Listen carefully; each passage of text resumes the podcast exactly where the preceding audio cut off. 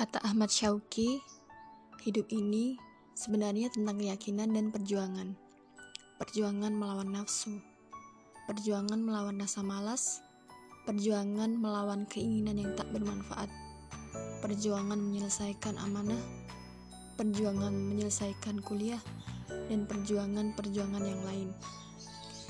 Jika kita kerucutkan, maka pada akhirnya perjuangan ini akan bermuara pada satu titik, yaitu perjuangan untuk meraih ridhonya, perjuangan untuk meraih surganya.